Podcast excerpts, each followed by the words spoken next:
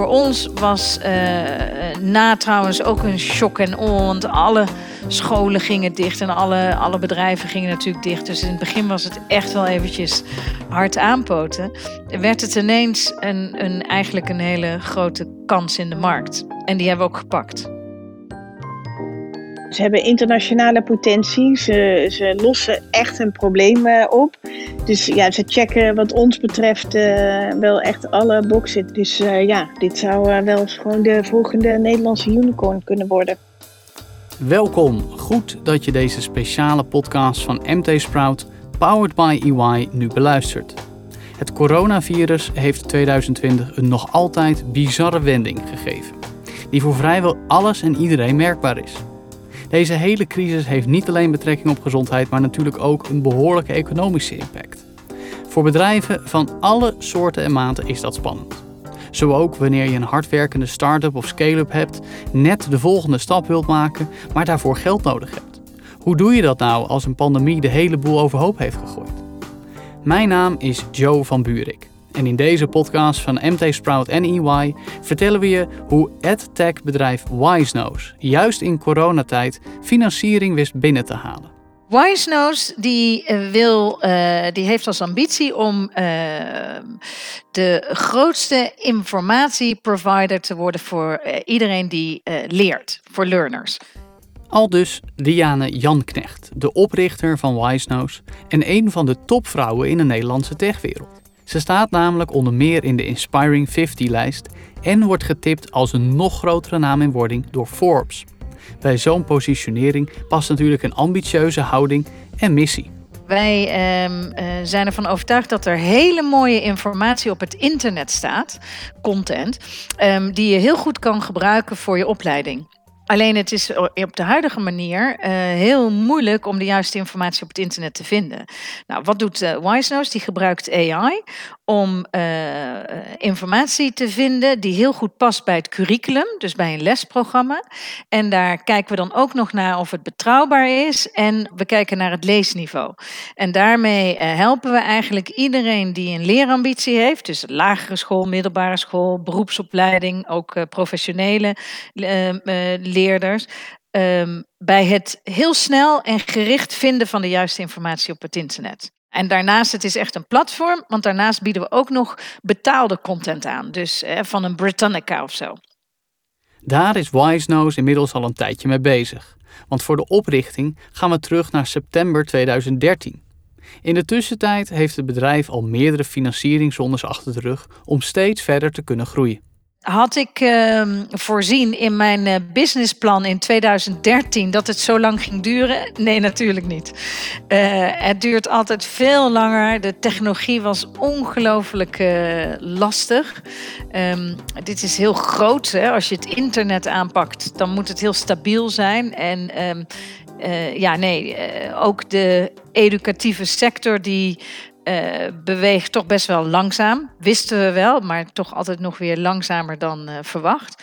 Dus uh, nee, de, de prognoses zijn zeker uh, elke keer wel wat vertraagd. Voor de nieuwe financieringsronde wende Diana zich onder meer tot Capital T, dat geleid wordt door Janneke Niesen en Eva van Mol. Deze dames hadden al een bepaalde historie met elkaar. ja, dat is echt al jaren geleden toen heeft Diaan mij uh, benaderd, omdat zij natuurlijk uh, ondernemer is en ik, uh, ik ook. Ik had al twee bedrijven opgezet en nou, zij wilde gewoon af en toe met mij sparren. en dat hebben we gedaan, dus ik ken Diaan in die zin al wat langer.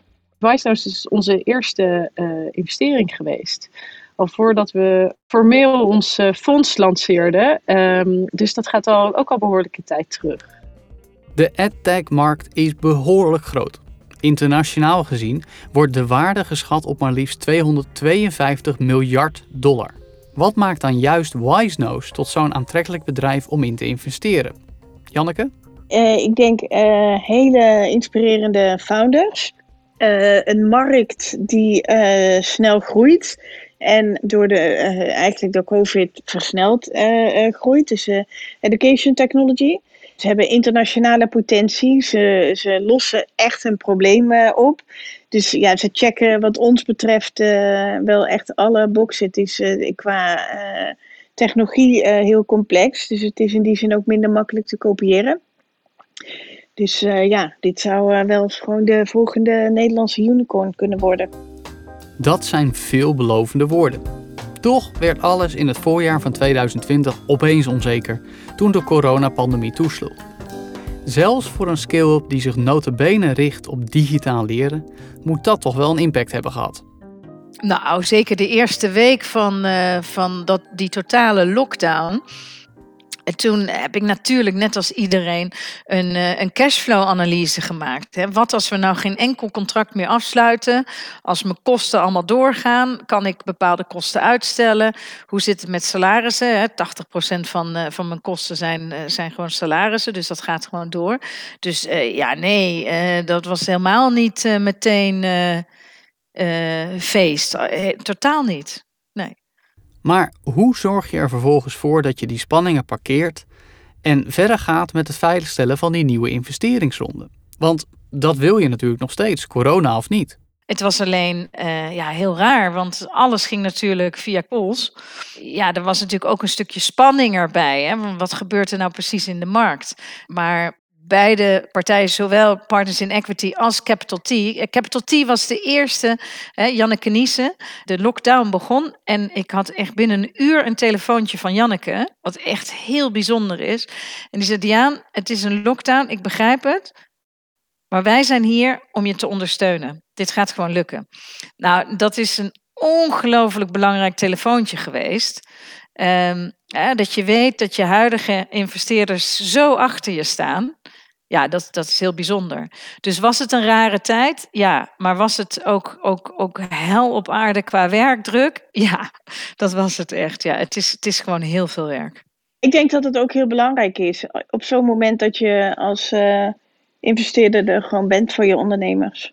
Als investeerder moet je natuurlijk nooit de reden zijn voor extra stress ik denk dat je altijd belangrijk is om af te geven dat je in iemand gelooft. Ook als spelen er bepaalde onzekerheden. Uh, ik denk dat het belangrijk is dat je ook een, een, een team vormt samen. En niet uh, mensen juist extra angstig gaat maken of onzeker. En uh, zij ging natuurlijk beginnen aan die fundingronde. Dus dan is het wel belangrijk dat je het idee hebt dat er mensen achter je staan die gewoon meer dan 100% in je geloven.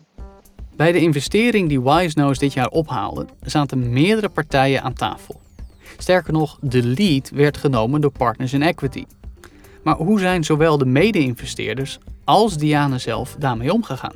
Kijk, wij hadden een termsheet neergelegd uh, met het idee dat er nog een andere investeerder bij zou komen. Nou, dat werd dus uh, Partners in Equity, die, hè, die ook een, eh, significante investering uh, wilde doen. Dus dat, ja, dat is voor het bedrijf en dus voor ons alleen maar heel goed nieuws. Dus dat, ja, daar, daar zijn uh, in, de gesprekken ook op die manier uh, over gevoerd. Voor het bedrijf is het gewoon heel prettig als je een, een, uh, ja, een, iemand hebt die, die op deze manier de lead wil pakken. En wij hadden de, de lead gepakt als er een kleiner investeerder bij was gekomen. Maar nu was dat deze partij. En nou, daar, daar waren wij eigenlijk ook heel blij mee. Wat ik kan uh, vertellen is, wat ik ze zelf ook verteld heb, is dat het in mijn optiek een dream team geworden is van, uh, van investeerders. De, de combinatie van uh, partners in equity en capital T. Um, en dan ook nog zeg maar mijn huidige investeerders die er al in zaten de kans geven om, om mee te kunnen doen, is um, een fantastische samenwerking. En uh, dat komt omdat zeg maar uh, financiering ophalen is, uh, is, is één ding. Maar net zo belangrijk, of misschien nog wel belangrijker, vind ik eigenlijk de terms die aan uh, het geld vastzitten. En met deze investeerders hebben wij investeerders die allereerst heel erg geloven in onze missie. Heel erg geloven in dat het een, een propositie is die zo nodig is Um, maar dat het wel tijd gaat kosten voordat we hier uh, het hele grote rendement waar we allemaal wel uh, aan denken uh, gaan krijgen. Um, en dat reflecteert ook terug in de, in de terms die eraan vastzitten. En dat is, dat is heel bijzonder. Ontzettend bijzonder zelfs. Alleen, ja, de closing is natuurlijk wel een stukje saaier. Toch, Janneke? Nou, we zijn wel, we zijn wel met Diane gaan eten. Um, maar uh, ja, we hadden natuurlijk wel, wel van hè, voor de pandemie gezegd, nou, als we gaan closen, dan gaan we gewoon diner doen en een feest en iedereen. Ja. Maar goed, als dat het is. Dat, moeten we, dat hebben we nog te goed. Ja, ja, ja. Ja, ja een lunch. Er was, er was in ieder geval champagne en dat is het belangrijkste. Ja. Het behoeft natuurlijk amper toelichting dat Wisenose nogal coronaproof is. En juist als je je zo richt op mogelijkheden om leerders overal ter wereld online te onderwijzen. Maar hoe groot is de opportunity juist nu voor Wisenose gebleken? Gigantisch. Um, want um, ineens zaten er 1,5 miljard leerlingen thuis. En uh, had, uh, ouders door hoe lastig het is om aan de juiste informatie thuis te komen. Uh, werd het duidelijk hoe belangrijk eigenlijk de rol van de docent is en, en wat er gebeurt als die niet, uh, niet er is. En werd het duidelijk dat uh, een heleboel scholen nog helemaal niet klaar zijn om die mix aan te bieden van en in de klas lesgeven en sommige opdrachten thuis laten invullen. Dus het, hun digitale strategie was nog niet helemaal klaar. Nou, en een van de grote problemen met, het, uh, met de huidige uh, uh, digitale strategie is dat er een gebrek is aan goede content, aan goede informatie.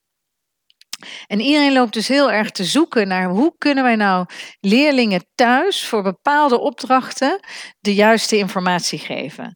Nou, en daar uh, komen wij met ons platform, die ineens een enorme hoeveelheid goed betaalbare, maar ook actuele en relevante informatie kan aanbieden. Iets wat de uitgeverijen nooit zo snel kunnen doen.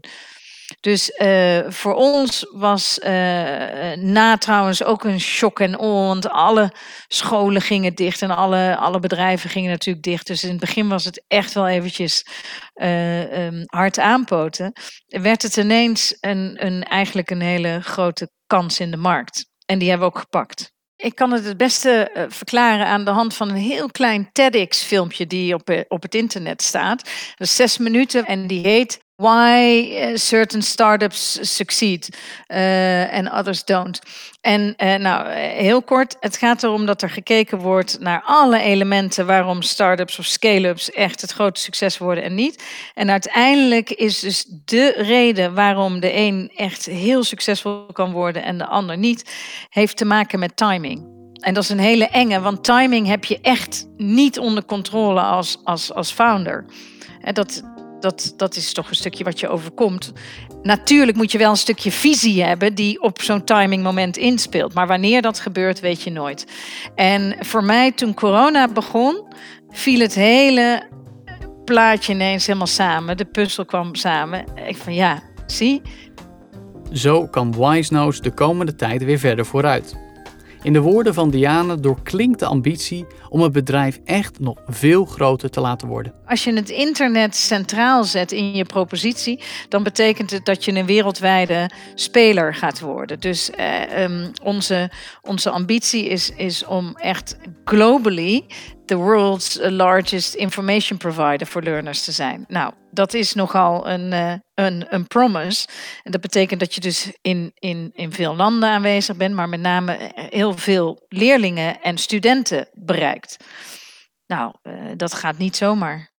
Education uh, is, is niet de. Daar duren dingen gewoon lang. Die processen voordat je daar klanten onboardt het goede nieuws dat dat door de, door de pandemic wel uh, versneld is. Want men, de, de, hele education is wel die digitale transformatie, uh, die, waar normaal vijf maanden over gedaan zou worden, is nu in een paar maanden uh, gebeurd. Maar dat neemt niet weg dat het ja, een markt is waar je niet heel snel deals sluit zijn er nog afbreukrisico's? Legio zou ik willen zeggen. Maar hebben we een kritische fase doorstaan? Zeker, omdat wij met allerlei pilot klanten hebben gekeken naar kunnen we pilotklanten omzetten naar langetermijncontracten, betalende langetermijncontracten. En dat antwoord is ja geweest. Um, maar ben je daardoor uit de risicozone? Wel nee. Maar dat, dat antwoord zal nog heel lang zo zijn.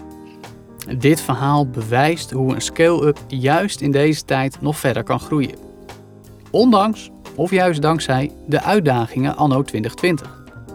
Blijf op de hoogte van Wisenose, evenals alle andere belangrijke spelers en ontwikkelingen in ondernemend Nederland op onze website. En luister ook de podcast van MT Sprout en EY over Open Social, de bouwer van community platforms voor onder meer Greenpeace en de NASA, dat eveneens in onzekere coronatijden serieuze financiering wist veilig te stellen om door te kunnen.